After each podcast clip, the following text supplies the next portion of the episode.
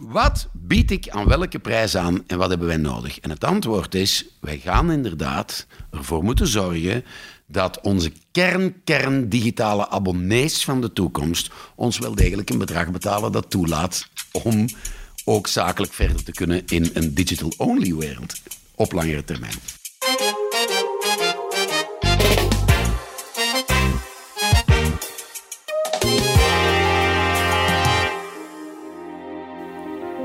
Je luistert naar de podcast De Vernieuwing.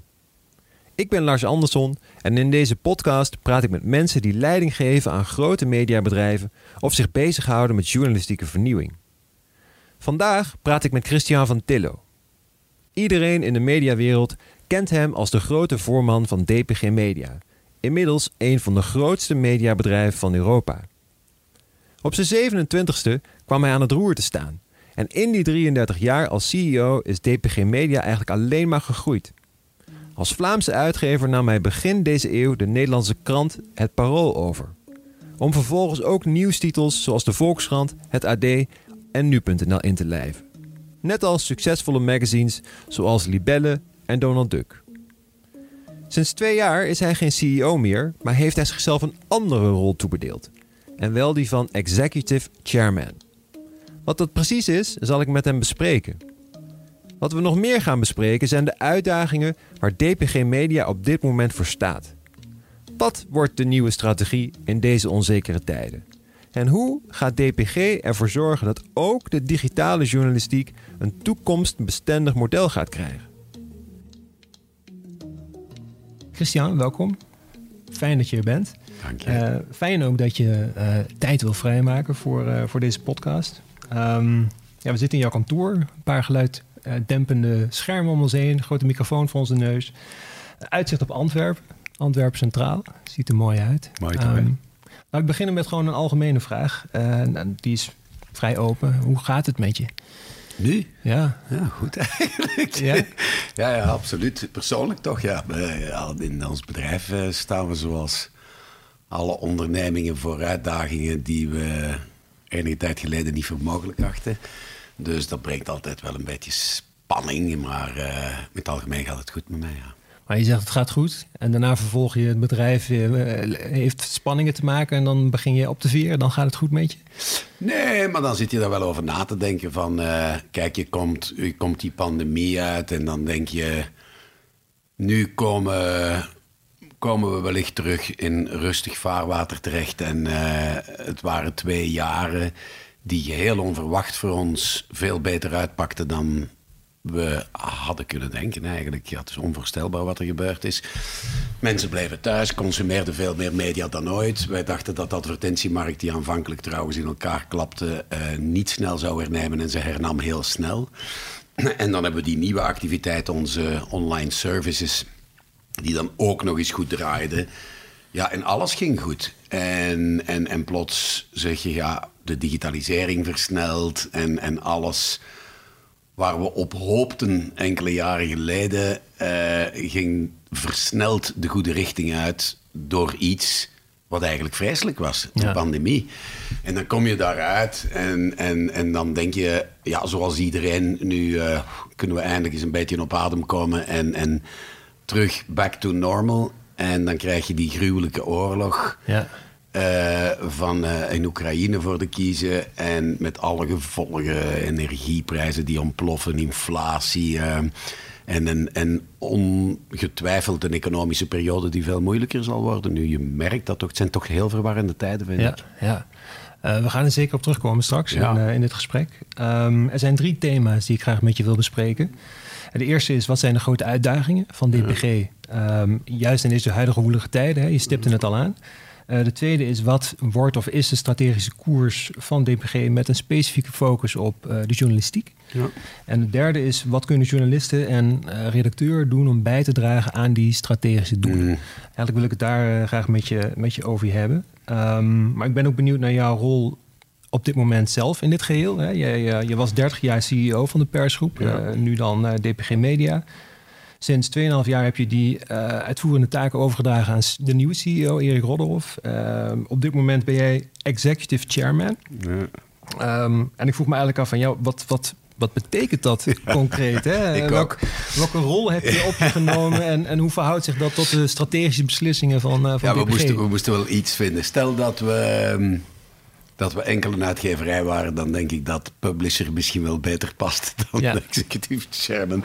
Omdat ik uh, mij altijd ja, heb toegelegd op, op, op wat we maken en, en, en de media zelf en ook wel de journalistiek. Maar intussen zitten we ook in het audiovisuele, televisie, radio, op onze services. Dus ja, dat, dat zou een, uh, het zou fout zijn van dat aan te zeggen, want ik ga ook wel breder dan dat. Ik uh, bespreek de strategie met de bedrijfstop in de allereerste plaats. Uh, met Erik uiteraard, maar ook met Piet Vrooman en dan de mensen die nu, we zullen het er zo dadelijk over hebben, in de top van ons bedrijf zitten. En Erik van Gruithuizen, uh, Chris Vervaat, uh, Dirk Lodewijks, Felix, die, uh, die onze online services doet. En dus ja, daar spreek je gewoon over strategie.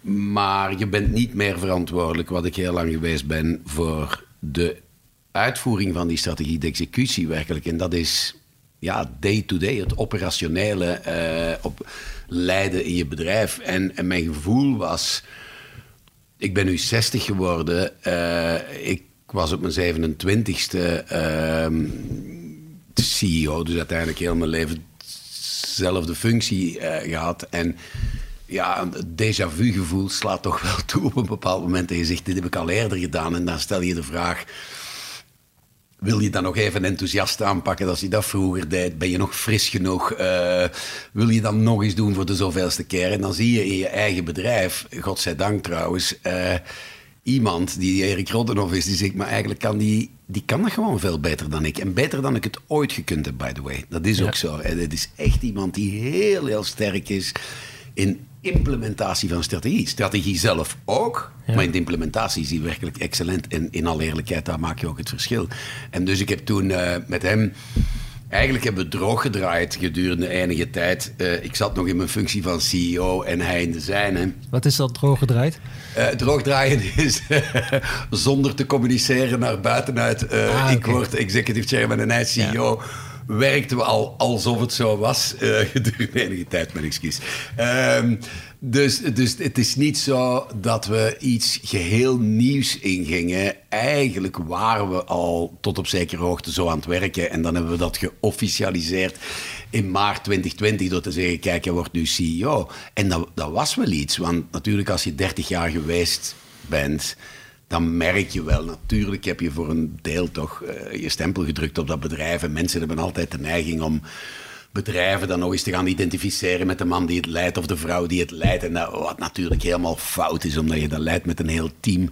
Maar, maar, maar zo, zo is het nu een keer. Dus, um, dus we moesten dat wel goed voorbereiden. Ik heb daar heel goed over nagedacht. En dus mijn functie nu is, ik bespreek hen de strategie. Ik praat veel met mensen die onze media maken. um, maar ook wel met mensen die in het commerciële zitten, maar nooit op een manier die storend zou kunnen zijn voor het beleid van Erik. Dus ik overleg alles met hem. En ik probeer die gesprekken die ik met anderen heb in een zekere structuur te gieten. Namelijk een maandelijkse vergadering bijvoorbeeld over hoe doen we het in televisie en radio. En, en, en zo doe ik het voor publishing ook. En en ik ben van plan dat nog lang te doen. Ik denk dat het grote gevaar van een bedrijf zoals DPG, dat best groot geworden is, is dat het zakelijke gaat overwegen. En ik heb altijd gezegd, hoe groter ons bedrijf is, hoe dichter we bij onze titels en zenders moeten staan bij wat we maken. En dat is best een uitdaging, want dat is heel makkelijk om dat te zeggen. Maar het is heel moeilijk om dat in de praktijk te brengen. Ja, want dat was een, een vraag die ik had. Hè? Je zei uh, niet heel lang geleden met bewondering, goh, wie had gedacht dat we ooit zo groot zouden worden? Ja. Hè? En je zei het met een lach op je gezicht en dat is natuurlijk prachtig. Maar ja, als je als een bedrijf heel groot wordt, hoe, hoe hou je dan nog contact met de vloer? Hè? Hoe staat het dan met, met jouw voelsprieten daarin? Ja, ik denk, ik, ik, denk dat dat is best lastig. Ik heb de indruk dat dat nog meevalt. Maar, maar wat je merkt is, één, je kent niet meer iedereen bij de voornaam. En twee, soms ontmoet je mensen die best belangrijke dingen doen in je, doen in je bedrijf. En je zegt, ja, het is een jaar geleden. Of, of misschien zelfs langer. Ja. Um, en ik denk dat je dat moet leren aanvaarden, hoe moeilijk dat ook is. Ik ben begonnen in dit bedrijf. Pas op, er werkten al wel wat mensen. We waren al met z'n 500 toen we nu zijn we met 6000. Maar, maar je hebt daar soms zelfs een schuldvraag bij. Soms zeg je, ja, kan dit eigenlijk wel? En, en, en, en, zou het allemaal niet veel beter zijn mocht ik er veel dichterbij staan? Maar ja, dat zijn overwegingen. Dat kan natuurlijk niet in een groot bedrijf. En ons bedrijf moest groter worden. Niet omdat het een objectief op zich was om groter te worden, maar wel omdat hij in een totaal uh, nieuwe context met niet-mediabedrijven, uh, of toch bedrijven die beweren geen mediabedrijven te zijn, namelijk de big techs te maken hebt en in een veel globalere wereld en die digitalisering. En je zegt, ja, wat is er nu nodig om te slagen met journalistiek, om te slagen met televisie, met radio? En één van de dingen is ook schaal. Gewoon de middelen hebben om te kunnen investeren in die digitalisering, in de ontwikkeling van je platformen, et cetera.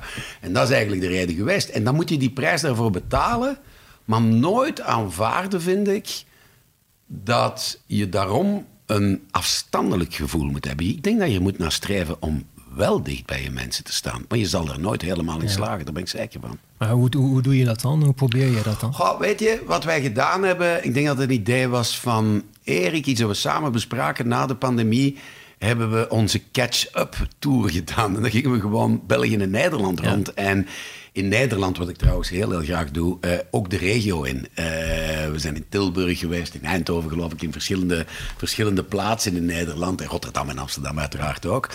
Um, en dan merk je, dan zie je nog eens mensen die een hele tijd... Ja, het is een hele tijd geleden dat je ze nog gezien hebt. En, en dat doet plezier. En, en ja, in, de, in de hoop dat ze het niet faken. Ik had de indruk dat zij dat ook leuk vonden. En, en dan ga je in plaats van gewoon een ineenrichtingsverkeer. En, en, uh, ja, je doet ook wel een presentatie, maar je gaat in debat met de mensen en je zegt: ja, hoe hebben we het gedaan de voorbije twee jaar? Hoe kijken we naar de toekomst? En ik denk dat mensen dan wel dat nabijheidsgevoel hebben van het is bij ons gebeurd. We moesten niet met z'n duizenden naar uh, weet ik welke town hall meeting, zoals die dingen heten. Ja. Maar uh, Erik en, uh, en Christian kwamen gewoon naar ons toe en de mensen vonden het leuk dat gevoel had je duidelijk dat, dat, dat ze dat uh, zeer gewaardeerd werden. Ik vond het zelf nog leuk. Ik vond het zelf dus, ja. ja. absoluut. Ja. En, en wat betekent dit dan voor jouw dagdagelijkse indeling? Want het klinkt alsof je eigenlijk meer, veel meer tijd hebt gekregen. In zekere zin is dat ook zo. Wat je merkt is dat door het wegvallen van meetings die bij operationeel beleid elke week zou terugkomen, of om de twee weken of om de maand, als dat wegvalt, dan gebeurt er iets in je agenda natuurlijk. En dan kan je, ben je meer meester van je eigen tijd. En dan kan je daar twee dingen mee doen. Ofwel niks. En, en, en zeggen, ik ga dingen doen buiten het bedrijf. Of gewoon meer tijd nemen om wat over de dingen na te denken. Uh, te kijken naar wat andere bedrijven in onze sector doen. Er eens naartoe gaan. En ja, het is, het is een ik weet niet of ik minder uren bezig ben. Ik heb ze nooit geteld, vroeger ook niet. Maar ik voel wel dat het een andere invulling van mijn tijd is. Dat is wel zo. Ja. En als je zeg maar um, één of twee bedrijven zou kunnen opnoemen die je onlangs hebt bezocht, uh, gewoon om, uh, breder te kijken, uh, welke zou je noemen die jou zijn opgevallen waarvan je dacht van oh, hier, kunnen we, hier kunnen we iets mee? Ik denk dat één dat mij ergens opgevallen, maar dat is, maar dat was van net voor de pandemie uh, was Bonje Zweden, die met Expressen, wat daar een groot, grote publiekskrant, medium, uh, grootste site van, uh, van Zweden ook, hele mooie dingen deden in alles wat met multimedia te maken had. Die hadden werkelijk gezegd van kijk, we gaan veel visueler worden. Ik zag daar studio's. Ik zeg, maar hebben jullie dan ook televisie? Nee, wij maken televisie als nieuwsmedium, dus eigenlijk als ex-krant als je wil. En nu nieuwsmedium. Ik vond dat zeer interessant. Ik heb er ook dingen uit geleerd dat ik zeg, dat zou ik niet doen. Uh, ik vond dat ze heel erg vooruitstrevend waren in wat ze deden, maar dat ze te weinig wisten waarom ze het deden. Ja. Uh, waarin dat zou brengen. Maar ja, dat, is, dat is misschien flauwe kritiek, maar ja, daar denk je dan toch ook over na. Um, een veel recentere is... Uh, letterlijk deze week. Ik ben naar uh, Milaan geweest en ik heb daar de eigenaar ontmoet van Corriere della Sera, de grootste kwaliteitskrant van Italië, die ook El Mundo heeft in Spanje. En die ook die prachtige sportmerken heeft, Gazzetta dello Sport en Marca in Spanje.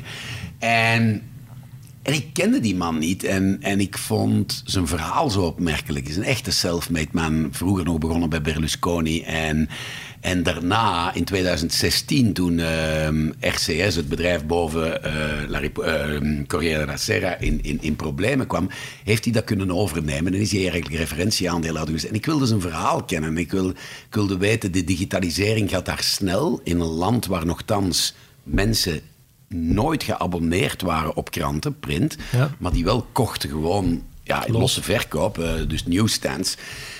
En ik zeg, hoe heeft hij dat klaargespeeld? En, en, en ik heb met hem drie uur samengezeten en ik vond dat fascinerend om naar die man zijn verhaal... Dus je neemt er altijd dingen van mee daarna. We hebben ook afspraken gemaakt over onze mensen eens samen te brengen uh, rond bepaalde thema's. En ik heb dat altijd gedaan. Ik... Uh, dat is een van de grootste gevaren, ook voor een bedrijf dat groter is geworden zoals DPG, is dat je heel veel naar je eigen bedrijf kijkt. En naar de mensen rondom je. En het is al zoveel. En wat moeten we nog met, met daarbuiten te gaan kijken naar anderen?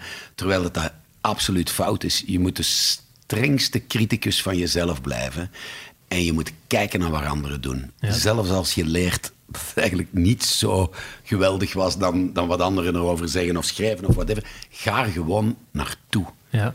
Dat inspireert enorm. En die Italiaanse man, wat, wat, kun, je in, kun je in twee zinnen samenvatten wat zijn geheim was, waardoor het hem gelukt is? Hij was uitgever en ondernemer. Uh, ik voelde gewoon dat hij heel, heel goed wist waar journalistiek om ging. En dat hij heel goed wist wat in een land zoals Italië is eigenlijk zeer, zeer opmerkelijk. is. Spanje heeft dat ook. De grootste kranten in die beide landen zijn geen populaire kranten. Die hebben geen tabloids of die hebben geen telegraaf of. Die hebben dat niet.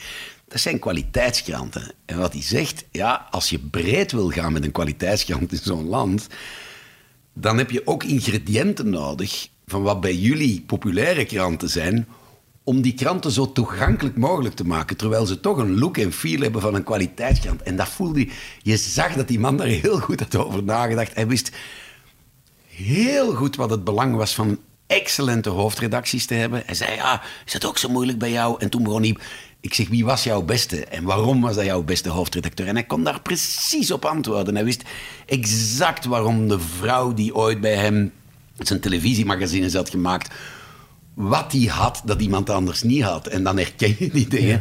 En, dan, en dan vertelde ik hem, ja, wat zijn je grootste successen geweest en je grootste failures en waarom was dat een succes? En dan merk je dat hij super ondernemend was en heel, ja, heel, op heel veel vlakken heel basic in zijn denken. Weet je, de, de, die, weet, die wist heel goed wat belangrijk was, niet belangrijk was en concentreerde zich op die dingen die dat bedrijf er weer bovenop zouden brengen. En ja, ik, ik vind dat fantastisch. En dat, ja, je gaat weg en je zegt, ja, die heeft en dat gevoel van uitgever en het is een geweldige ondernemer. En daarom heeft hij dat bedrijf kunnen omkeren op... Die heeft in 2016 gedaan, het bedrijf was al failliet. En vandaag doen ze het fantastisch goed. Ja. En ehm, herken je dat in jezelf, dat, uh, ja, die combinatie? Je, gaat dan niet voor de spiegel staan, maar, maar, maar... ja, je weet wel, na al die jaren... Ehm, ik ben altijd gefascineerd geweest door mensen waarvan je weet, ja, die hebben iets dat iemand anders niet heeft. En, en, en, en je hoopt en je denkt vaak dat dat iets is bij jezelf, dat een, ja, is dat nu, een gaven is al een verschrikkelijk woord daarvoor, maar dat je daar wel een feeling voor hebt. En, en, en dat je dat ook weet. Dat je weet dat als je, en dat is niet anders, het is niet alleen eigen aan de journalistiek hoor, televisie en radio heeft dat ook dat is dat je die man of vrouw tegenkomt en je laat die praten en plots zeg je, die ziet het. En die heeft dat in zich. En dat overstijgt het pure maken. Bijvoorbeeld het schrijven van een goed artikel is iets heel anders dan conceptueel naar de totaliteit van het product waarin dat artikel verschijnt te kunnen beoordelen en zeggen ik zou dat veel beter kunnen maken of ik denk dat dat niet goed is en daar beter moet. En dat is altijd er zijn mensen die heel goed begrijpen, die het vak zelf begrijpen, van televisie maken, radio maken, de journalistiek, maar die weten hoe je dat moet verpakken om dat bij de mensen te krijgen. En uiteindelijk, journalisten zijn altijd heel, heel bang om, om commerçanten genoemd te worden. Ze zeggen, nee, wij zijn er voor de journalistiek. Dat kan allemaal wel zijn en dat is, op zich is dat juist. Maar je schrijft wel om gelezen te worden. En die hoofdredacteur maakt zijn medium wel omdat het zou gelezen worden en dus mensen bereikt en dus abonnees krijgt en meer dan een ander. Dat is nu een keer zo. Misschien moet je dat niet commercieel noemen qua feeling, maar het is toch die combinatie van ik weet waar het vak om draait en ik weet hoe ik het bij de mensen breng. En dat is, dat is een unieke combinatie.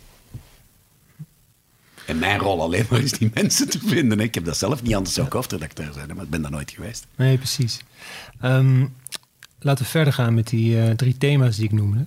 Um, te beginnen met die grote uitdagingen van DPG. Ja. Um, misschien eerst een terugblik naar het COVID-tijdperk. Daar heb je eigenlijk nog uh, weinig over gehoord. Uh, hoe kijk jij terug op die afgelopen twee jaar? Zeg maar vanaf het start van de pandemie tot, de, tot, tot deze zomer wellicht. Oh, ik denk, nogmaals, we hebben allemaal gezegd en we zijn niet de enige. Alle bedrijven verbaasden zich over hoe snel ze zich konden aanpassen aan de lockdowns. En ze bleven toch draaien en we hebben dingen ontdekt zoals telewerken en thuiswerken. En dat is allemaal gebeurd. En we hebben eigenlijk de wonderen van de technologie ontdekt om te zien, jongens, als je dat allemaal gebruikt, dan raak je daardoor. Oké, goed gedaan. Punt 2, media waren eigenlijk succesvoller dan ooit tijdens die periode. Ah, ook goed. Menselijk, ik vond dat een drama. Ik mhm. bedoel, dat is erg. Dat is heel confronterend. Ik weet niet of jij dat ook aanvoelt. Maar eenmaal het voorbij is, vergeten we het ook snel. Dat valt mij vandaag op. Ik vind het ongelooflijk. Anderzijds, het is nog steeds moeilijk om iedereen weer naar de redactievloer te krijgen. En daar krijg je iets. En dan kom je, ik heb dat dus ook. En ik beken je dat ik daar heel bang voor ben. En trouwens niet alleen op de redactievloer. Alle vloeren. Wat mij is opgevallen tijdens de pandemie, en daar moeten we goed over nadenken, ook als we het over thuiswerken hebben en, en zoomen en alles wat je wil, is wat hebben we die voorbije twee jaar bedacht? Waar hebben we echt geïnnoveerd? Waar hebben we dingen gedaan waarvan we zeggen, hier hebben we over gebrainstormd, heel goed nagedacht, zonder agenda, jongens, hoe kunnen we dat beter doen? Oké, we komen met een nieuw product, een nieuwe service. Dat is verdomd moeilijk als je elkaar niet ziet. En ik denk in alle eerlijkheid dat jaar zal meer thuis gewerkt worden dan daarvoor. En ik denk dat bepaalde dingen structureel zijn en om hele goede redenen. Je hoeft absoluut niet drie uur te commuten als je niet moet commuten. Ja. Maar dat geldt niet voor iedereen en altijd. En ik denk post-pandemie nu dat te veel mensen denken: dit zal zomaar doorlopen. Ik denk het niet. Ik denk dat voor heel veel mensen toch terug naar vroeger en terug. Er is een verschil tussen productiviteit in de operationele zin en productief zijn in de creatieve zin. En zeggen, we, gaan, we gaan echt nieuwe dingen doen. En, en ook voor je teamvorming en, en de bedrijfscultuur. Waar behoor je nog toe op een bepaalde... Waar hoor jij bij? Waar, van welke, tot welke club behoor jij? Ik denk dat dat allemaal super belangrijk is. En in de allereerste plaats vanuit een menselijk standpunt. Dus ik kijk daarop terug in het algemeen als mens met redelijk negatieve gevoelens. Ik ben verrast en verbaasd geweest over een aantal dingen die we als mensen wel konden. En ik raak eruit nu blij. Je vergeet het ook snel, zoals we daarnet zeiden, maar toch dat je zegt, jongens, terug, terug op ons voetjes terechtkomen nu en zeggen, jongen, hoe, hoe gaan we hier nu mee om? Wat zijn de goede dingen dat we eruit meepakken en wat zijn de dingen dat we zeggen, nee, dit, dit gaan we echt niet verder zetten. Daar moeten we over nadenken. Daar ben ik van overtuigd. Ja. En heb je daar al een paar voorbeelden van? Wat zijn, wat zijn de goede dingen die je daaruit zou kunnen meenemen? Ik denk dat mensen geleerd hebben van veel, veel, veel efficiënter te werken.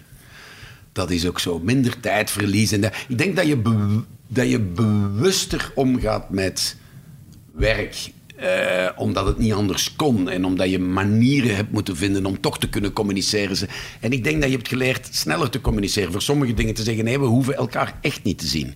Ja. We zullen het wel even met, met, met uh, video doen. En zo, je merkt dat wel. Er zijn heel veel dingen waarvan je zegt: hoe is dat nu mogelijk dat wij dat in 2020 nog deden, terwijl we het internet al hadden. Maar dat is opnieuw het is altijd hetzelfde. Hè? De, goede, de goede lessen uit leren en de dingen die minder waren zeggen: oké, voorbij, afgelopen, dat gaan we niet meer doen. Ik denk dat we nog even tijd voor nodig hebben, want er komt nu plots toch weer iets heel anders bij te kijken. En dat is ja, die hele economische context die zo moeilijk is. Ja, absoluut. Nou ja, plus ook dat de winter komt nog. We weten niet hoe de winter zich gaat, uh, gaat toch ben ik dan toch weer optimistisch hoor. We hebben daar zoveel over gepraat dat het, ja, dat er drama's zouden kunnen gebeuren en dat Europa onvoldoende gecoördineerd en onvoldoende snel reageerde. En dan toch heb ik de indruk, zou het? Is het niet zo dat we al die reserves nu hebben opgeslagen, dat we toch die winter doorgeraken? Ja. Met duurdere energieprijzen toegegeven, maar sterven van de kou gaat niet gebeuren, denk ik. Nee. Nou, eh, laten we het positief, ja, uh, het positief vasthouden. Uh, anderzijds, terug naar het nu. Um, ja. Er is oorlog, er is mm. sociale ontwrichting. Um, het uitzicht naar de toekomst is onzeker. Gisteren kregen we een mail van uh, CEO uh, Roddehoff... waarin hij een herstructurering van de top bekend maakte. Ja. Uh, een kleinere directie die zo lijkt het de teugels strakker kan aantrekken. Um, ik lees het even voor. In de mail staat... de tegenwind zal fors toenemen, schaarste op de arbeidsmarkt... torenhoge inflatie en papieren prijzen... dreigende economische crisis. Het zal allemaal veel druk zetten op onze resultaten en onze mogelijkheden om te blijven groeien. Um, ja, je bent een positief ingesteld man, maar naderen we een perfect storm in uitgeverland? Ja. ja breder ook, denk ik. Um, de belangrijkste reden. Kijk, ik, ik, denk dat, dat Erik daarmee een signaal geeft dat we scherp aan de wind zullen moeten varen. We gaan wel blijven ondernemen. We gaan blijven aan onze digitalisering werken. Wat de strategie betreft verandert er niks, maar de manier waarop we die strategie uh, zullen implementeren de komende jaren zal wel veranderen. We moeten rekening houden met die omstandigheden. Als de advertentiemarkt morgen in elkaar klapt, ja, dan heeft dat gevolgen. Dat papier dat vandaag, letterlijk vandaag, dubbel zo duur is als vorig jaar. wat wij in de distributie meemaken in Nederland. Duizend krantenbezorgers tekort, hè, wat weet ik allemaal. Dat heeft natuurlijk allemaal implicaties. En dus hebben we nagedacht over de top van een bedrijf. Maar de echte reden daarvoor is ook... We hebben drie activiteiten. Alles wat publishing is, dus met andere woorden... onze nieuwsmedia en onze magazines... broadcasting, radio, televisie en services. En we hebben gezegd... Er moet toch iemand komen die aan het hoofd van die grote, grote afdelingen staat... die meer gefocust dan daarvoor die afdelingen kan runnen met de mensen daaronder. En dan hebben we een aantal horizontale lijnen in ons bedrijf. Je hebt alles wat met abonnementen te maken heeft. Dus wat wij noemen business to consumer, Bert Willemsen. Alles wat met advertenties te maken heeft in het algemeen de sales. Is Lauren van der Rijden, Stefan Havik, die alles wat digitale advertenties. En dan heb je services met, met, Felix. En we hebben gewoon gezegd, is niet logisch. We hadden, er bestond zoiets als een BNE-directie. Ja. Die was wel heel, heel, heel druk bemand. Ja. Daar zat te veel volk in. Sprak ik ook met Erik. Erik zegt eigenlijk is het een, nog niet eens een overlegplatform. Het is meer een informatievergadering. Waar toch wel heel vaak mensen zeggen... ja, ik zit hierbij, maar het ging een half uur over iets waar ik heel weinig mee te maken heb. Wat het gevolg is van een bedrijf dat groter is. Ja. En dus we hebben gezegd, we moeten daar meer focus in krijgen. En daar komt dat EXCO wordt dan wat uitgebreid en wordt core, hè, wordt kern eigenlijk van wat er boven op groepsniveau gebeurt. En daaronder krijg je directies die veel gefocuster zullen werken. Weet je, er veranderen heel veel dingen in ons bedrijf, maar men zegt altijd structure follow strategy. Dat is juist, je moet je structuur aanpassen aan de ontwikkeling van je strategie. Je moet niet gaan zeggen, ik teken een structuur uit of een organisatie om hokjes te vullen. Je moet zeggen, hoe werkten wij twee jaar geleden? Wat waren toen onze doelstellingen? Wat is er intussen veranderd? En als wij twee, drie jaar vooruit kijken, je weet, wij maken een, uh, wat wij een businessplan noemen, een, een, MTP van drie jaar. We kijken vooruit. Mhm. Dan zeg je, ja, maar als we dat allemaal willen verwezenlijken, klopt de manier waarop wij georganiseerd zijn. Het is trouwens voor redacties of voor eender welke organisatie net hetzelfde. Je moet je altijd de vraag stellen: gaan wij de objectieven die we bepaald hebben, gaan we die halen met dezelfde organisatie als vandaag of moeten we daaraan sleutelen? En wat je merkt, mensen houden eigenlijk niet van veranderingen. Niemand houdt van verandering omwille van de verandering. Mensen zeggen dat heel, heel vaak, maar, maar, meestal is het zo niet. Ze zijn daar redelijk conservatief in. En je moet het status quo, je moet dat elke keer in vraag stellen en zeggen: jongens, klopt dit nog? En je moet aanvaarden, als je in digitale transitie zit, dat er ook de komende jaren, ook trouwens in die organisatie en structuur, dingen blijvend zullen veranderen. Dat is zo.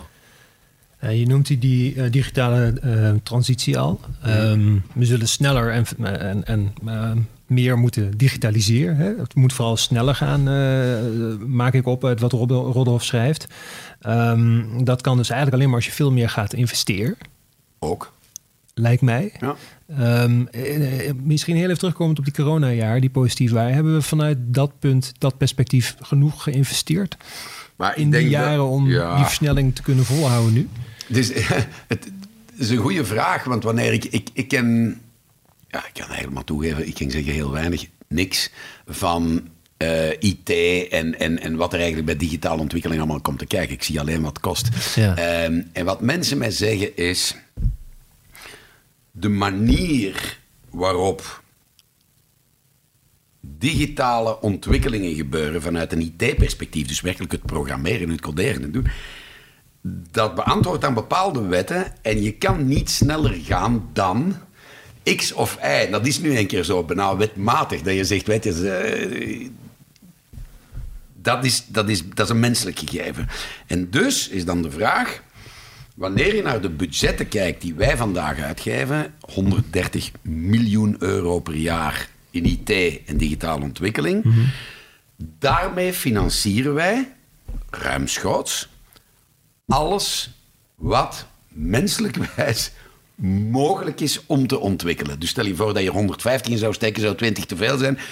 Het, het zou niet sneller gaan dan wat er vandaag is. Dus het is, ja, er zit ook een soort, noem dat dan, weet ik veel, bijna mathematische beperkingen. Dat men zegt, dus met andere woorden, het antwoord is, wanneer je naar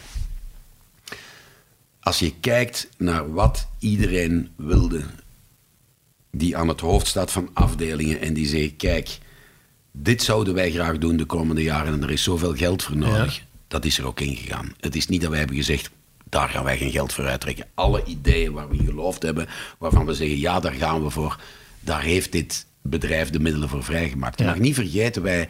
wij zijn wat, je eigenlijk, sorry, maar wat je eigenlijk zegt is: um, wij hebben zoveel man personeel. Mm die binnen IT, die redelijkerwijs deze uh, objectieven kunnen vervullen.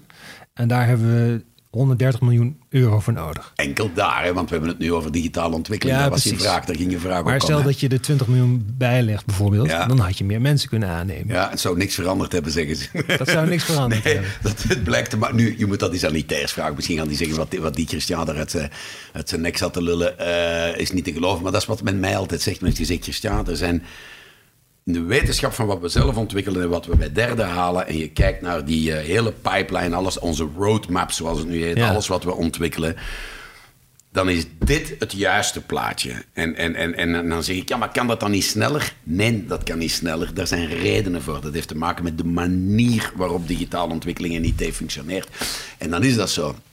Dus, maar ik denk niet dat dat het belangrijkste is. Als je kijkt naar de investeringen, en misschien ging je vraag ook wel wat, wat breder je hebt investeringen in je organische groei. Dus dat zijn al de dingen die je hebt te transformeren naar digitaal. Naar, dan heb je natuurlijk ook nog externe groei, namelijk overnames die je hebt gedaan om je bedrijf groter te maken en die schaal te halen. Ja. Onze onderneming heeft over de laatste 10, 12 jaar voor 1,6 miljard euro overnames gedaan. Dat zijn allemaal investeringen in het uitbreiden van je bedrijf. Wij hebben geen schulden als een mollensteen rond onze nek hangen. Mhm. Wij hebben wel wat bankschulden, maar die zijn perfect, perfect. het is minder dan één keer ons jaarresultaat. Dus wij hebben...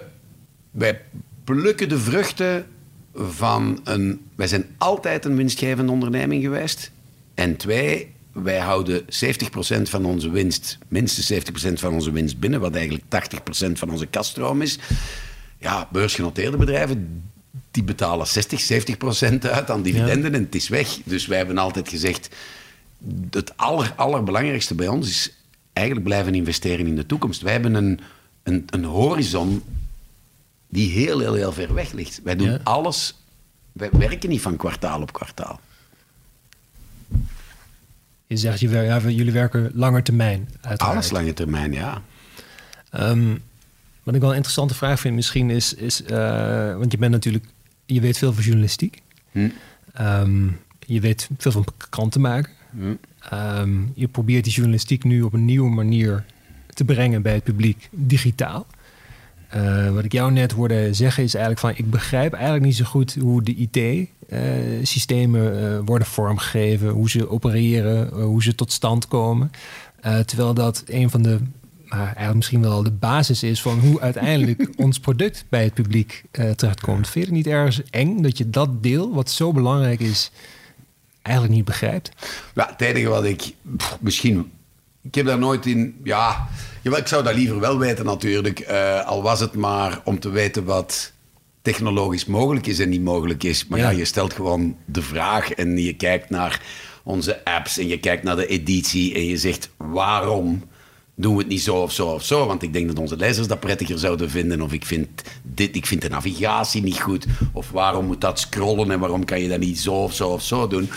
Uh, tot waar de tapjes staan en hoe we onze, onze lezer door heel ons digitaal platform krijgen. Dat is waar. Je zou veel liever weten wat kan, hoeveel tijd daarvoor nodig is, of je een belachelijke vraag stelt dan wel niet. Ja. En, en ja, ik denk dat dat wel een beperking is. Het zal misschien ook wel met mijn leeftijd te maken hebben, in elk geval met mijn opleiding ook. Ik heb nooit IT gestudeerd. Dus ja, ik denk dat je daar een punt hebt. Anderzijds ben ik wel gerustgesteld door het feit dat we heel veel talenten hebben rondlopen in dit bedrijf die de, antwoord, die de antwoorden op die vragen hebben. Wat, wat ik vervelend vind, en waar ik denk dat we al fouten hebben gemaakt, daar moeten we heel erg mee opletten. Ik weet dat ik niet alleen ben. Dus met andere woorden, dat mensen die heel dicht bij onze contentontwikkeling staan, Zeker. heel vaak mensen zijn met enig aanzien in het bedrijf, hoofdredacties, noem maar op. Die leggen een wensenlijstje neer en het is aan IT, en dat is misschien in het verleden onvoldoende gebeurd, om te zeggen: Weet u wel wat u vraagt? Dat is voor u misschien belangrijk, maar mijn beste, dat punt, daar zijn we acht maanden mee vertrokken voor we het ontwikkeld hebben. En dan zullen we dat, dat en dat en dat en dat niet kunnen doen. Hebben jullie echt goed nagedacht over wat jullie vragen? Ja. En dan merk je wel. Als ik die film terugdraai van de voorbije twintig jaar. En ik kijk naar al de dingen waarvan ik achteraf zei, hadden we misschien toch niet moeten doen of anders moeten doen, dat is wel een lang lijstje, denk ik. Maar zou je daar twee voorbeelden van kunnen noemen die, die eruit springen? Top of mind? Top of mind die eruit springen. Ja, één, dat is misschien de belangrijkste, kunnen we het daarbij houden, denk ik. We hadden op een bepaald ogenblik 17 platformen. Elke titel een ding. Ja. Gewoon omwille van het feit dat iedereen bij elke titel dacht: bij ons is het net iets anders dan bij die andere titel. Dus wij willen onze eigen ontwikkeling. En Terwijl we nu twee platformen hebben: ons freemium platform en ons selectors platform. En daar draaien of onze brede publieksmedia op of onze kwaliteitstitels op. En daar klaagt niemand meer over vandaag. We kunnen beter ontwikkelen, sneller ontwikkelen vooral mooiere producten maken. En ook dat heeft nadelen. Hè? Want dat heeft, er is natuurlijk een zekere traagheid op. Dat zijn grote machines geworden. Maar dat is een serieuze fout. Het is gewoon fout van te denken dat in technologie dat je 17 platformen kan onderhouden en dat goed ontwikkelen. Dat werkt gewoon niet. Het is niet ieder voor zich. Ik denk dat dat een heel grote fout is geweest, ja. Ja, maar anderzijds, je zou kunnen zeggen dat het juist flexibiliteit meebrengt. Mm. Maar... Weet je waarom dat niet zo is? Als we nu even bij kranten blijven, we nemen die sites, dat zijn ook de sites waar we de, het grootste bereik mee, mee verwezenlijken. Wat wij altijd vergeten, en ik heb dat in ons jaarverslag geschreven, dat is dat onze twee omzetstromen, onze lezers en onze adverteerders, die komen samen ook in die app of op die site. Ja. En de manier waarop mensen zich abonneren, dat is dat ze op onze site komen gratis content zien en op een bepaald ogenblik komen ze die betaalmuur tegen. Ja. En als ze die betaalmuur niet op het juiste moment ontmoeten, of tegenkomen tenminste, een heel makkelijke manier krijgen om te betalen, om die conversie te doen, op het juiste moment, aan de juiste prijs, dat gaat fout lopen. En met andere woorden, heel het design, de bouw van die machine, namelijk neem het freemium platform of premium platform, moet daarop afgestemd zijn. Wat het merk ook is, er zijn bepaalde wetmatigheden die aan de basis liggen van hoe verkoop ik daar een abonnement. Bij die advertenties, waar je en programmatic advertising krijgt en oh, de, uh, online advertenties die we zelf verkopen met Adoptimize en, en wat weet ik allemaal, en video-advertenties, is dan net hetzelfde. Waar staat die advertentie? Op welke positie? Ziet die lezer die ook bij het scrollen? Dat zijn allemaal... Daar zijn technische vereisten bij, komen daarbij te kijken die zo technisch zijn, waar je zo snel zoveel geld kan verliezen. Als je het niet goed doet, gaat het helemaal, ga je helemaal de mist in. Dus met andere woorden, dat is eigenlijk de eerste keer in onze geschiedenis. Vroeger, papier, ja, dan zei je gewoon, wat is er morgen verkocht? Ja, sorry jongens, maar pagina 5 is verkocht. En de 7 en de 9 moet je ook openlaten en daar een halve pagina. En dan zei je, ja, dank u. En voor de rest maakte jij gewoon je krant. En dan had jij een verkoopsafdeling en die belde rond in straat verkopen als wat je wil. En vandaag komt het allemaal samen binnen dat product. Ja. Dat is ook leren. Daar moet je een leercurve van afgaan hoor. Ja, zeker. Ja. Ehm, wat ik ook altijd een, een, een, interessante quote van jou vond, uh, ik denk dat je hem zei uh, op de Digital Summit uh, een half jaar geleden, is um, er wordt mij vaak verteld dat wij een mediatech bedrijf ja. aan het worden zijn. En toen zei je nee, dat zijn wij niet. Wij zijn een tech-gedreven mediabedrijf mm. waarbij de gebruiker centraal staat. Ja. Volgens mij heb je het zo verwoord. Ja. Zou je dat toe kunnen lichten? Ja, ik, ik, ik, ik vind dat ik denk dat wij zoveel kritiek hebben gekregen als sector en terecht dat wij niks begrepen van technologie, dat binnen mediabedrijven het bon ton werd om te zeggen: ja, maar wij bij Shipstead of uh, weet ik veel, Axel Springen, we have become a tech company. Ja. zeg je maar, ho, ho, ho. Waarom ben je ter aarde, zoals jullie zo mooi zeggen? En dan is het zeggen: ja, ons bestaansreden is niet technologie. Ons bestaansreden is communicatie ofwel via journalistiek of via televisie en radio. Dat is wat wij doen. Ja. Dat wij nu toevallig in een tijdsgevricht zitten waar wij een van de grootste technologische revoluties van de geschiedenis mee maken. En dat wij dat allemaal hebben moeten leren, maakt niet dat wij een technologiebedrijf zijn. Wij zijn geen techbedrijf, maar wij zijn wel een mediabedrijf dat intussen heel veel tech heeft en technologie ook onder de knie moet krijgen om goede media te maken. Dus het is een instrument om je bedrijfsdoelstellingen waar te maken en ervoor te zorgen dat je morgen nog bestaat. Dat is eigenlijk het enige dat ik heb willen zeggen. Maar dan krijg, dan krijg je het toegegeven. En dan komen er mensen uit de financiële wereld die zeggen: Ja, uh, nooit een beursgang overwogen, want wij, wij zouden jullie kunnen wegzetten als een techbedrijf. Dus ik, ja, dat is alleen maar om waarde. Uh, dus, ja, kom, ja. Dat, daar zijn we niet mee bezig. Uh, maar als je nou die, die, die um, want je richt nu op, op, op, op techbedrijf, maar wat voor mij eigenlijk centraal staat, is die gebruiker, hè, die, die ja. centraal gesteld wordt. Had je het gevoel dat we dat tien jaar geleden ook al deden? Die gebruiker centraal stellen, voor zover. Ik denk dat we dat altijd gedaan hebben, maar dat we Twee dingen. Eén, wij hadden een gebrek aan technologische kennis om te zeggen hoe krijg je daar nu een bedrijfsmodel onder een businessmodel, een zakelijk model dat ook werkt. Um, en twee, en daar denk ik dat we nog altijd voor grote uitdagingen staan. Wat moet er veranderen aan de journalistiek om online even boeiend te zijn dan wat we in print gedaan hebben? Ja. Klopt copy-paste of moeten we het echt anders gaan aanpakken? Ja.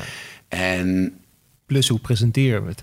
Dus ja, maar dat maakt daar integraal deel van uit. En ik vind, ik vind het soms bijna even belangrijk als de content. Want als je, het, als je het slecht presenteert en je wordt niet gelezen, dan kan je het mooiste verhaal ter wereld vertellen. Ze hebben het niet gezien. Dus uh, ik, ik, denk dat die twee dingen gespeeld hebben. Ik denk dat wij altijd een bedrijf zijn geweest dat heel, heel erg gefocust was op de mensen voor wie we deden, hè, ons, ons publiek.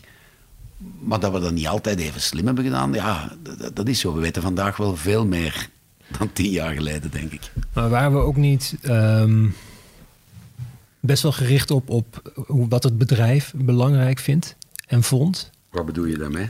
In het behalen van de omzet. Waarbij we bij Vlagen vergaten om te checken en te verifiëren of de, of de gebruiker dat ook op die hmm. manier uh, um, kon waarderen, zeg maar.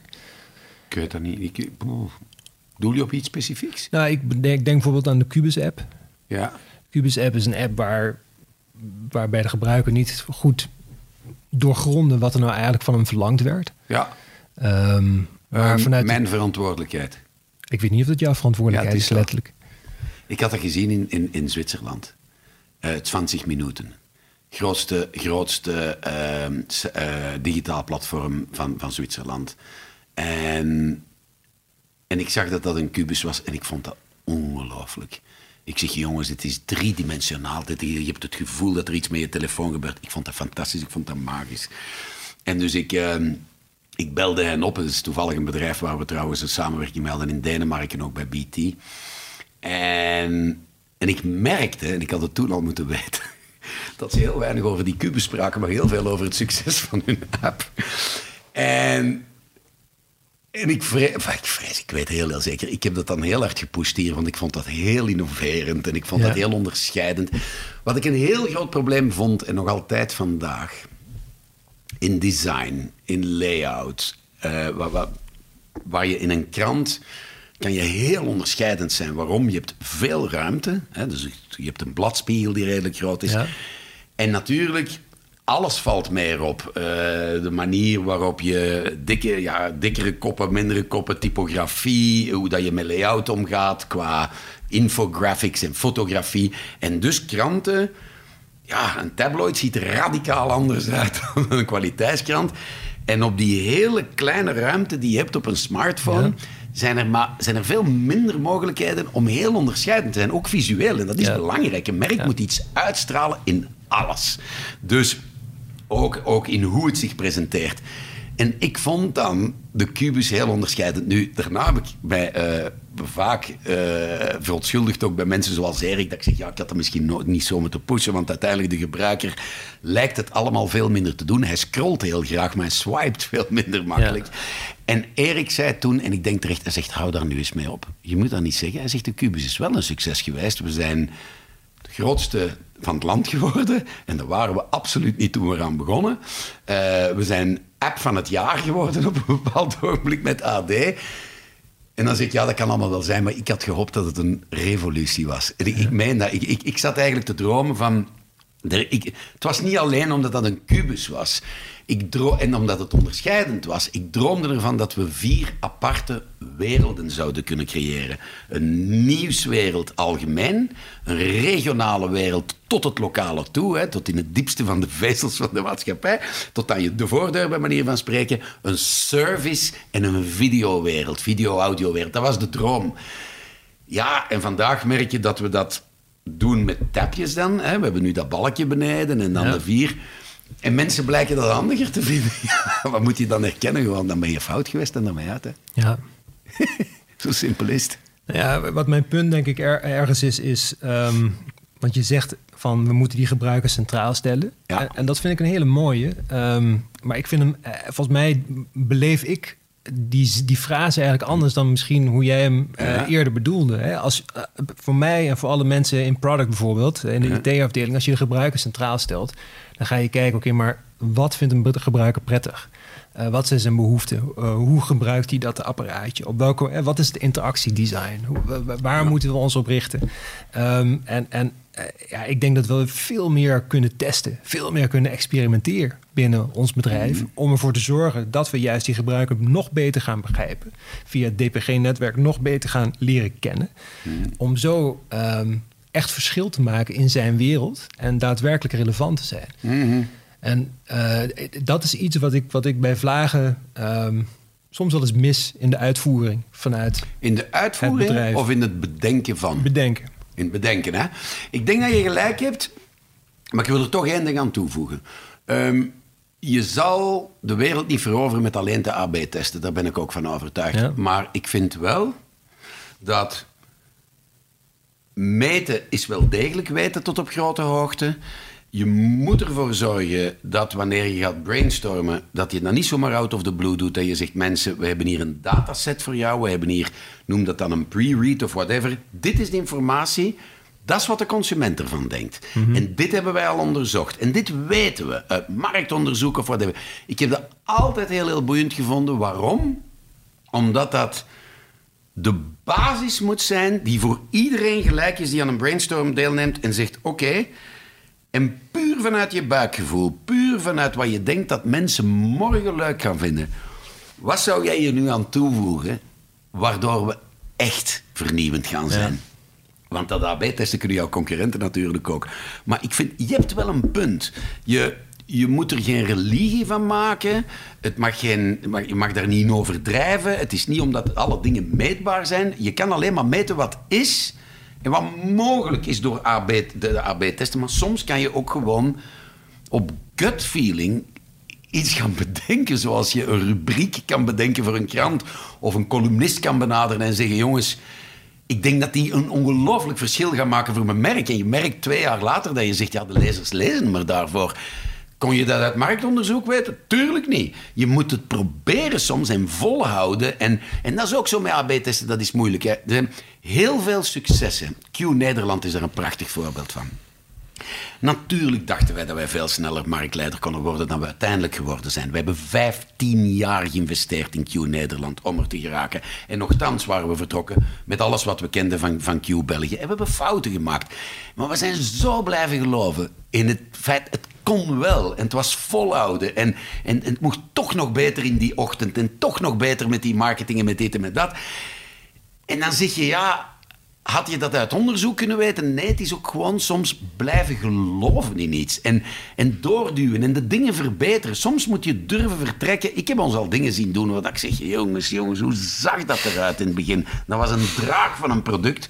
Maar we waren ook zo kwaad op onszelf dat we zeiden... Dat kan toch niet, dit moet beter. Ik denk aan onze weekendkranten hier in België... als we dat bedachten in de eind jaren 90. Dat ik zeg, oei, oei, het is helemaal niet geworden wat we dachten...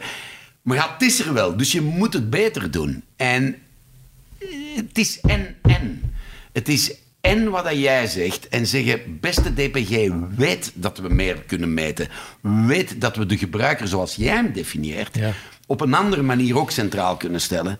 En weet je, dat weerhoudt jouw zogenaamde creatieve denker er niet van om daarna met ideeën te komen. Maar we gaan jou wel eerst zeggen wat we wel kunnen meten. Daar vind ik dat je een belangrijk punt hebt. En dat zijn dingen die vroeger in, in de offline tijden, ja, dan deed je dat minder. Dan was dat, dan was dat inderdaad nog meer op buikgevoel. En, en het was misschien ook niet relevant. Of niet eh, relevant, want tuurlijk. Het, het, geld kwam toch wel binnen. Ja, weet je, maar ik weet niet of dat dat was. Wat je vroeger kon doen, je kon veel makkelijker bijsturen. Als je bij ons een fout maakt uh, in de ontwikkeling van je product bijvoorbeeld en je zegt dat werkt niet. Hè, je spreekt nu Cubus vervangen daarna door andere navigatie. Dat is niet overnight gebeurd, hè, die verandering. Mm dus je moet best wel eens nadenken, dat heb ik wel geleerd, dat dingen die zelfs een detail lijken op het eerste gezicht in hoe de navigatie of de opbouw, de, hele architectuur van, van, van de site, dat je zegt, oh, verander dat is of verander dat is, dat is niet zomaar gebeurd. Ja. Dat kan beter kan vier maanden duren, vijf maanden duren voor het er is. Nou ja, het moet op de roadmap. Inderdaad. Maar het moet ook, het moet ook Je merkt dat gewoon. We zijn wellicht te naïef. Het is erom dat we misschien ook campussen hebben en, en opleidingstrajecten. We, moeten, we hebben elkaar veel te leren hoor. Ja. Is eigenlijk het echte onderwerp geweest van wat ik geschreven heb in ons jaarverslag. Who saved the newspaper? Normaal gesproken zou je zeggen de redacties natuurlijk. Want dat is de journalistiek die de mensen lezen. En het antwoord is ook de redacties. Maar evengoed IT, Evengoed de mensen die abonnementen verkopen, de mensen die onze advertising online. Het is het hele samenspel dat voor het allereerst in de geschiedenis van uitgeven en van nieuwsmedia moet samengaan, want het kruipt allemaal in één product. En het is onlosmakelijk met elkaar verbonden. En ik heb dat misschien verkeerd verwoord of niet goed genoeg verwoord. Maar ik ben zelf tot die vaststelling gekomen. Ik zeg, eigenlijk is dat een mirakel dat dat op die manier gebeurd is. Want uh, wij hadden dat nooit vroeger. Iedereen, dat was wel degelijk toch tot op zekere hoogte working apart together. Hè? Ieder deed zijn ding en dan pleeg je overleg.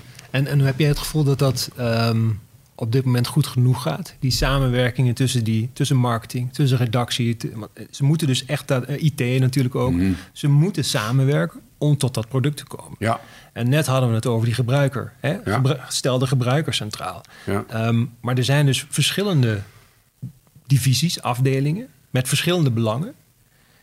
Uh, Die niet per se centraal de gebruiker stellen. Marketing heeft wellicht andere doelen dan redactie. Hoe, hoe, zie jij dat? Hoe, hoe kunnen we dat. Uh, welke drempels liggen daar om, om, om tot een beter product te komen? Want zie jij ook dat, er, dat dat beter kan? Ja, ik denk dat dat een van de redenen is waarom jullie die ehm, communicatie van Erik hebben gekregen over de nieuwe bedrijfstop. Is Ja. dat je zegt, zijn we tevreden? Ja, maar. En wat is dan de maar? We doen onvoldoende, te we doen onvoldoende samen. Ja. Eh, het hele netwerk echt inzetten om elkaar sterker te maken. Je had het er net over. Dat doen we nog niet zoals het moet. Hoe gaan we daar wel geraken? Wel, het begint aan de top. En dan gaan we ervoor zorgen dat we vandaar mensen gaan motiveren doorheen het hele bedrijf om beter te gaan samenwerken. Je hebt 100% gelijk. Als je de vraag stelt, dan weet je zelf dat het beter kan. En dat is ook zo. En, en ik denk dat Erik zich daar heel, heel erg van bewust is en dat hij daarom ook zijn bedrijfstop heeft aangepast aan die realiteit. Nee, niet aan die realiteit, aan de wens om die samenwerking verder te versterken. Ik vind dat we. Ik hou van ons bedrijfsmodel, dus dat wel degelijk die fameuze matrix is, hè, met een aantal lijnen die dwars door het bedrijf gaan. Verschillende van onze concurrenten, Mediahuis op kop, doen dat anders. Die hebben business units, waar Ja. ieder zijn bedrijfje leidt binnen het bedrijf. Ik denk dat dat van ons, voor ons in elk geval, wie wij zijn als bedrijf, dat dat beter werkt. Maar nu moeten we ervoor zorgen dat we een volgende stap zetten. Dat is, Ja. ik ben het daarmee eens. Ja. Ja, en ook dat je de politiek er eigenlijk uithaalt. Hè? Dat is een, dat is een ongelooflijk groot gevaar in een bedrijf dat Nou, echt met- groot wordt. Ja, dat groot wordt. Ja. Want het, het, het sluipt er gewoon in. Het sluipt erin en toch heb ik altijd de neiging te geloven dat het ook te maken heeft met karakters van mensen. Ehm, ik, ik hoop nog altijd, en ik denk het ook, dat mensen die des DPG's zijn, op een of andere manier denk ik dat wij allemaal een gemeenschappelijk gen hebben ergens. Ja. Hoe verschillend we ook ook mogen zijn van karakter of achtergrond of whatever. Ehm, dat wij een bedrijf zijn dat echt niet houdt van politiek. Maar dat het ook onvermijdelijk is dat er af en toe politiek is. Maar dan merk je ook dat er veel kritiek is in ons bedrijf op politiek. Dus wanneer het er is, dan hoor ik ook heel vaak mensen zeggen... Ja, Christian, ik vind wel dat er politiek in sluipt, hoor. En eigenlijk ben ik dan tevreden, want dat betekent dat we die voelsprieten hebben... om dat, om dat wel degelijk te detecteren en te zeggen... dit zijn wij niet, wij zijn zo niet. Maar dat betekent niet dat het nooit gebeurt. Nee. Dus, maar ah, je hebt wel een punt. Maar wat- maar wat kun je er dan aan doen? Of wat doe jij er dan aan? ik, ik denk, werk, nogmaals zoals ik daarnet zei, vanuit de top beginnen, dat zelf ook uitstralen, zeggen jongens, we willen dit niet. Heel veel zit in communicatie hè, en in elkaar zien. Wanneer, dan komen we terug tot wat we daarnet zeiden over Ja. de pandemie, wanneer je elkaar niet ziet. Van, hoe willen we eigenlijk met elkaar omgaan? Day to day. En, en, en, en hoe zorgen we ervoor dat we, dat we politiek voorkomen? En, en dat we beter samenwerken? Ja, dat is toch altijd maar... Dat is leadership en communicatie, hoor. Daar ben ik 100% van overtuigd. Ja. Dat kan je niet in wetjes en regeltjes uitschrijven. Dat gaat niet. Ehm, we hadden het net over IT, over de gebruiker centraal stellen. ehm, over journalistiek uiteraard. Ja. Eh, een halfjaartje geleden zag ik een presentatie van eh, Erik. Ja. En dat sprak nogal tot mijn verbeelding. Ehm, hij liet een afbeelding zien eh, van wat hij noemde de grote klif. Ja. En ehm, ik zal het even vertellen voor de luisteraar. Printoplage is de afgelopen jaren wel, hè, is weliswaar gedaald. De, ehm, maar relatief weinig voor de meeste titels. We hadden de hoop dat we die tendens konden volhouden. Maar, zegt hij, er is een reëel scenario mogelijk... waarin het print-abonneebestand door bezorgproblemen... en de verminderde bestedingsruimte eh, van de consument... ineens heel snel kan inzakken. En te snel zelfs om dat goed te kunnen maken... met inkomsten uit het eh, digitale abonneebestand. Ja. Ehm, de oplossing daarvoor liet hij doorschemeren, maar jij denk ik ook eh, in eh, communicatie, is om meer waarde te kunnen creëren aan onze digitale producten. ja. Hoe zie je dat eh, Wel, voor je? wat er gaat gebeuren, en daar moeten we niet flauw over doen, dat staat vast en is onvermijdelijk. Als je vandaag in het concern 75-25 ziet, printabonnementen versus digitaal. En je weet dat de instroom, namelijk de abonnementen die je nu verkoopt, 80% digitaal zijn en 20% papier, dan moet ik je niet uittekenen, dan moet, dan, dan- dan moet ik je niet vertellen waar dit de komende 10 jaar toe gaat leiden, de komende jaar. Dus je gaat gewoon, die 25% gaat belangrijker worden en, en het andere gedeelte gaat naar beneden. Ja. Met hoeveel? Dat kan je moeilijk zeggen, maar we zien inderdaad dat er toch een versnelling in de erosie van printabonnementen komt. Die zijn duur. En leveren veel geld op. Leveren veel geld op. De crisis slaat toe en mensen gaan daarover nadenken en weten intussen ook wel dat er digitale abonnementen bestaan die Ja. ook toegang geven tot dezelfde content, maar veel goedkoper. En mensen gaan dat doen. En ofwel nemen ze dan een hybride abonnement waarbij ze zeggen: Ik vind die zaterdagkrant nog leuk. Of zeggen ze: Ik wil de krant ook kunnen lezen en op de app zitten. En dan neem ik zo'n volledig digitaal abonnement of web-only. Ik kom op de, op de app. Ik denk eigenlijk niet meer zodanig aan die krant daarachter. Maar Ja. ik wil wel alles kunnen lezen op die app. En dan heb je het nog goedkoper. En het succes dat we daarmee geboekt hebben de laatste jaren is best opmerkelijk. Wij hebben 800.000 digitale abonnees. Ja. En dat is heel veel. En daar mogen we trots op zijn, want wij hebben dat gedaan vanuit een van, met een strategie die vooral voor onze brede merken ADR en HLN begonnen is met heel veel content gratis weg te geven. Ga er dan maar aan om aan mensen te zeggen, en nu moet u nog eens betalen om premium artikel dit en dat. Dus we hebben dat goed gedaan. Alleen, wanneer je doorredeneert, dan kom je tot de vaststelling dat een abonnement digitaal geen 70 euro per jaar meer zou mogen kosten, maar eigenlijk meer. Ja. Want anders ga je ofwel zo'n groot volume aan, aan abonnees moeten aantrekken. dat Je zegt dat is niet meer realistisch, want die zijn er gewoonweg niet. Hè, ofwel moet die prijs omhoog. En dan is de vraag, wat krijgen de mensen daarvoor? Nu, wat is er interessant aan het digitale vergeleken met het vroegere pure print? In print was het heel, heel simpel. Je kocht die krant los of je was abonnee en dat was het. Dat was datzelfde product, dat had een prijs en één of nul. Klant of geen klant. Online kan je zeggen: ah nee, ik heb een aanbod aan 70 euro, eentje aan 150, één aan 190. En je kan daarmee beginnen bewegen. Waarom? Gewoon omdat de technologie je dat toelaat. Ja. Dan is de vraag: welk aanbod wil je doen? En dat zal niet alleen het journalistieke aanbod zijn, maar eventuele functionaliteiten die erbij komen, het aantal. Het aantal mensen in je gezin die binnen een abonnement, zoals bij Netflix, hoeveel mensen kunnen zich aansluiten en zo verder. Wat bied ik aan welke prijs aan en wat hebben wij nodig? En het antwoord is, wij gaan inderdaad ervoor moeten zorgen dat onze kern, kern digitale abonnees van de toekomst ons wel degelijk een bedrag betalen dat toelaat om ook zakelijk verder te kunnen in een digital-only wereld op langere termijn. En wat gewoon gerechtvaardigd is voor de content die we En wat gerechtvaardigd voor de content is. Maar we, nogmaals, we komen uit een wereld, en we hebben het vaak genoeg geschreven zelf, onze eigen journalisten wereldwijd, waar iedereen dacht, voortaan is nieuws gratis. Dat schreven wij twintig jaar geleden. Ja. Als je toen aan een journalist zou gezegd hebben, stop met dat te schrijven, want we zullen ooit 800.000 abonnees hebben, die verklaart je gek. Dus nu zijn we twintig jaar verder. En we zijn, zoals trouwens de streaming services in televisie, je ziet dat ook met Netflix en Disney, die zijn ook binnengekomen aan een lage prijs. En wat merk je? Die zijn een paar jaar verder en die zeggen, het werkt niet. Eigenlijk had die prijs vijf, zes keer zo hoog moeten liggen. Ja, intussen, die consument die heeft daar geen boodschap aan. Hè? Die wil dat niet. Die, of dat hij wil, dat weet ik niet. Het enige wat ik weet, Doet die zegt... vandaag betaal ik 5,95 beste Disney, ik ga daar morgen geen 40 euro voor betalen. Dus met andere woorden, je staat er voor een uitdaging. Nu, mijn punt is, en dat vind ik wel heel, heel belangrijk...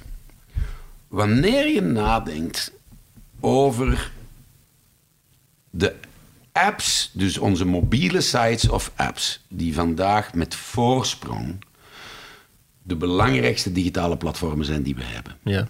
En je kijkt daarnaar en je zegt: vergelijk dan nu eens met de journalistiek die we op papier brengen. Kan je dan zeggen dat is een krant op papier? Dan zeg je nee, dat is geen krant op papier. Wat het eigenlijk is, is een nieuwsmedium, een nieuw nieuwsmedium dat 24-7 aangevuld wordt met nieuws, dat je scrolt, waar je vier, vijf keer per dag naartoe gaat. 11 minuten, 12 minuten per dag. Eh, nationaal nieuws, intussen hebben we regio, sport, alles wat je wil. En dat is één. En ik denk als je aan mensen vraagt waarom ga je daar naartoe, ze zegt ik check daar het nieuws. En ofwel ben jij nu.nl en je ziet ook dat mensen heel veel navigeren of zappen van de ene app naar de andere. En mensen die bij nu.nl komen, komen ook bij AD. En de vraag is: is het op dat medium dat we alle journalistiek van de toekomst gaan brengen? Of zal er ook zoiets bestaan? En nu ben ik echt een vraag aan het stellen. Het is niet dat ik denk dat we dat zo moeten doen of whatever, maar ik zat er deze, zo deze zomer wel over na te denken. Bestaat er een behoefte, dat er een behoefte bestaat aan snel nieuws, dat weten we nu. Ja. De behoefte die een krant invult. En nu ga ik terug naar de papieren krant die we gedurende honderden jaren hebben gemaakt en gesofisticeerd en verbeterd hebben. Ja. Als je aan een lezer van trouw vraagt: waarom lees jij die krant? Dan gaat hij nooit antwoorden omdat daar nieuws in staat. Want dat brengen ze allemaal. Dat is een evidentie. Die gaat zeggen: Ik hou van die krant. Omwille van het feit dat hij de verdieping heeft. En dat hij mensen voor wie zingeving belangrijk is centraal stelt omdat hij naar de wereld kijkt op een manier waarop ik er ook naar kijk, maar het zoveel beter verwoord dan ik het ooit zou kunnen verwoorden. Ik kijk op naar mijn krant. Ja. Ik ben trots van er lid van te zijn, zoals men zo mooi in Nederland zegt, in de plaats van ik ben abonnee. Ja. En dat is dus een sense of belonging, zoals dat zo mooi in het Engels wordt gezet. Ik hoor daarbij. En er zijn mensen die een regionale krant kopen omdat ze zeggen: Ik werk hier, ik woon hier, mijn kinderen gaan hier naar school, wij zitten in het verenigingsleven. Wij houden van Eindhoven. En ik lees het Eindhovens Dagblad en ik ben daar trots op. Ik maak deel uit van deze gemeenschap. En dat betekent dat mensen dat medium beschrijven niet als een medium dat enkel informatie brengt, maar dat een metgezel is in hun leven. En die brengen daar geen tien minuten mee door. Die hebben een moment van verpozing van 40 minuten per dag en weekends goed door een uur, waar ze zeggen, dat is mijn krantje. En als je het laatste nieuws heeft, zo'n fantastische rubriek op zaterdag, die heet Lezer bij het ontbijt. En de mensen daar, die, eh, die doen daar een, ja, bijna een liefdesverklaring aan de krant. En die zeggen, goh, ik vind Nadine van der Linden zo geweldig op zaterdag op pagina 2. En wat is die Jan Segers toch iemand die goed kan schrijven? En ik vind Hugo Kamps leuk. En dan in de sport, mijn man vindt dat belangrijk. En ik doe regio. En ik vind de tv-pagina's goed gemaakt. En eigenlijk beschrijven die dat medium als een geheel van informatie, service, stukje verstrooiing ook, identificatie met die, diegenen die daar schrijven, die zeggen, dat is van mij, daar hoor ik bij. En wat wij altijd gedaan hebben toen we een krant maakten, wij maakten een dagproduct. Dus met andere woorden, dat nieuws kwam ook overal binnen op alle redacties ter wereld.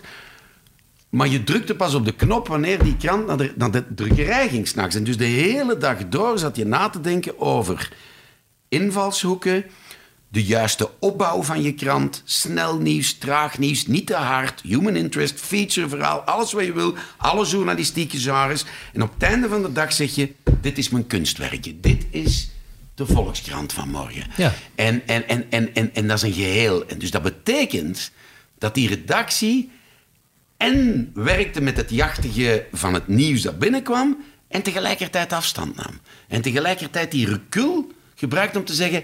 en dit, beste lezer, deed ertoe in Nederland en de wereld gisteren. En mijn vraag is...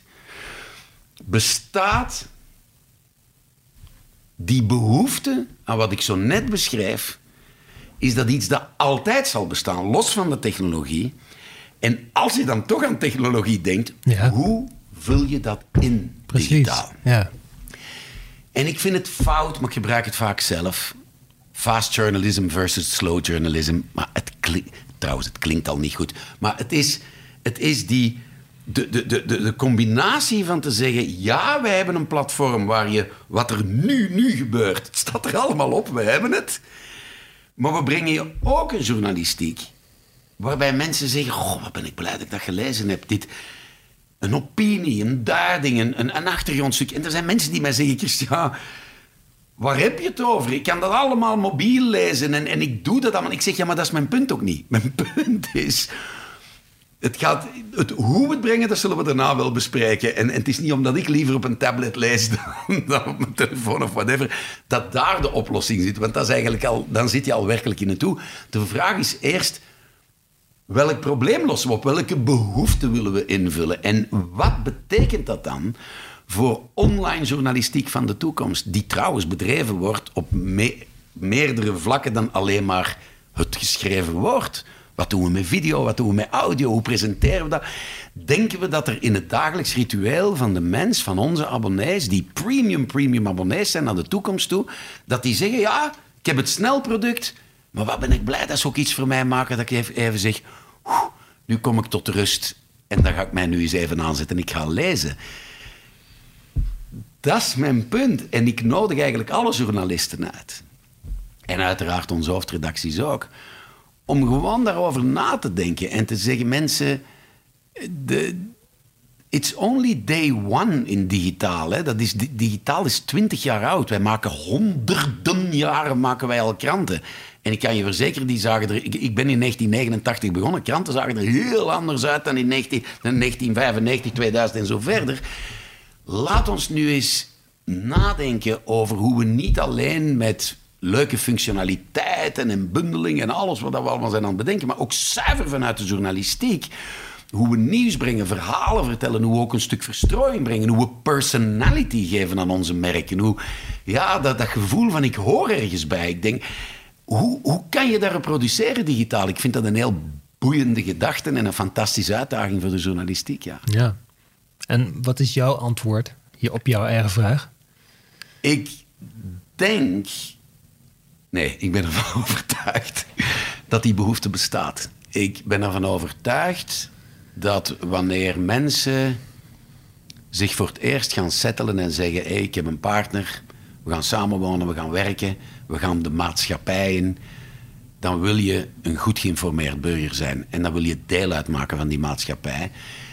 En dan wil je niet alleen het jachtige, dan wil je wel degelijk duiding en de wereld begrijpen en, en, en je wil bij iets horen. En ik denk dat een medium kan dat... Ja, kranten hebben dat altijd kunnen doen, omdat sommige kranten... Ja, ofwel hebben ze een ideologische lijn, ofwel staan ze heel, heel sterk in financiën of in sport of in wat het ook mogen zijn. Maar ze, ze zijn echt gemaakt, ze zijn echt een medium van identificatie. En dus ik geloof daar heel, heel sterk in. Het belangrijkste... Dus ik geloof erin, ja. Maar ik geloof ook dat dat dus betekent dat redacties wel degelijk moeten bestaan uit de mensen die het snelle nieuws maken en daar heel, heel goed zijn. En dat daar een tweede laag bij moet komen die de, noem dat dan verdiepende laag is, of wat meer recul, of mhm. waar het eigenlijk niet zodanig gaat over het moet er nu in staan, dan wel, verdomme, dat is een goed idee. Dat is een vraag die onze lezers zich stellen. En hier gaan we echt mee aan de slag. Ik heb de indruk dat we wel degelijk in digitale tijden soms fouten maken door te snel te gaan. Um, onvoldoende nagedacht over de juiste invalshoek. Laat staan het juist invullen van een leuke invalshoek. Waardoor je journalistiek krijgt die soms net iets te dicht bij sociale media komt. En daar willen we eigenlijk heel, heel ver van afstaan. Als wij morgen meegaan in die maalstroom van wat er op sociale media gebeurt, die jungle aan meningen en meninkjes en alle kanten uitschieten, dan gaan we grote fouten maken, denk ik. Ja, Laatste vraag. Wat zou jij op dit moment onze journalisten en onze redacteur willen meegeven? Dat laatste, denk ik. Ik denk dat, dat ze zich allemaal bewust moeten zijn van het feit dat onze maatschappij wel degelijk digitaliseert en dat je dus niet moet blijven stilstaan bij oh, ik werk voor de papieren krant of dat zijn de snelle jongens van internet. Nee, het gaat daar naartoe. En wij gaan dat niet forceren. We gaan dat doen aan de snelheid dat onze consument het wil. Maar dit biedt ongelooflijke nieuwe kansen. De antwoorden op de vragen hoe journalistiek. Je zegt, we gaan dat niet forceren. We gaan dat doen op basis van de snelheid dat onze consument dat wil. Maar onze consument wil dat al. Die zit al sneller vooruit. Ja, je hebt gelijk, die wil dat al. En zeker de hele instroom wil dat al. Al diegenen die nu elk jaar een jaar ouder worden, maar 30 jaar... Eigenlijk moet je het forceren, toch? Ja, maar je moet opletten. Ehm, ik heb uitgevers dingen zien doen uh, waarbij ze zeggen... En dan, en dan krijg je zo van die nieuwe mantra's van... Oh, we are digital first. Ja, wat betekent dat dan? Ja, de mensen van de print die zitten wij helemaal van achter... en die moeten dan maar kijken wat ze kunnen doen met wat we online produceren. En dan moeten ze dat maar in die papieren krant gieten. En dan zeg je daarna, en hoe ging het eigenlijk met je papieren oplagen? Ja, we verliezen elk jaar 20%. Ja, daar moet je niet van schrikken. Ik bedoel, er zijn nog altijd wetmatigheden ook voor het maken van een goede krant op mm. papier, die niet dezelfde zijn als online. En vandaar mijn antwoord op jouw vraag is, ik denk dat we veel meer moeten nadenken over welke journalistiek werkt om de behoefte in te vullen die onze lezers hebben. En er is een behoefte aan dat snel nieuws, anders zouden we niet al die miljoenen mensen bereiken. Maar er is in mijn ogen absoluut ook behoefte aan sense of belonging binnen een merk dat ergens voor staat. En dat je een hele mix brengt waarbij je voelt als lezer, ik ben blij dat ik er mij even heb aangezet, dat ik dat nu eens rustig heb gelezen. Ik weet wat er toe deed in mijn land vandaag en in de wereld. Ja, ik geloof daar heel sterk in. Laten we het hier afronden, ja. Christian. Dankjewel voor je tijd. Heel en, graag gedaan. En het gesprek. Super, hartelijk dank.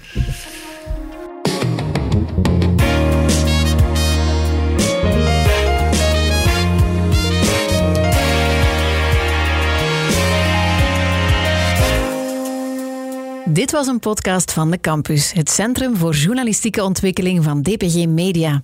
Je host was Lars Andersson, muziek werd gemaakt door Niels Jadou. Je vindt onze andere podcasts via de podcast-app op je telefoon, Spotify of onze website campus.dpgmedia.net.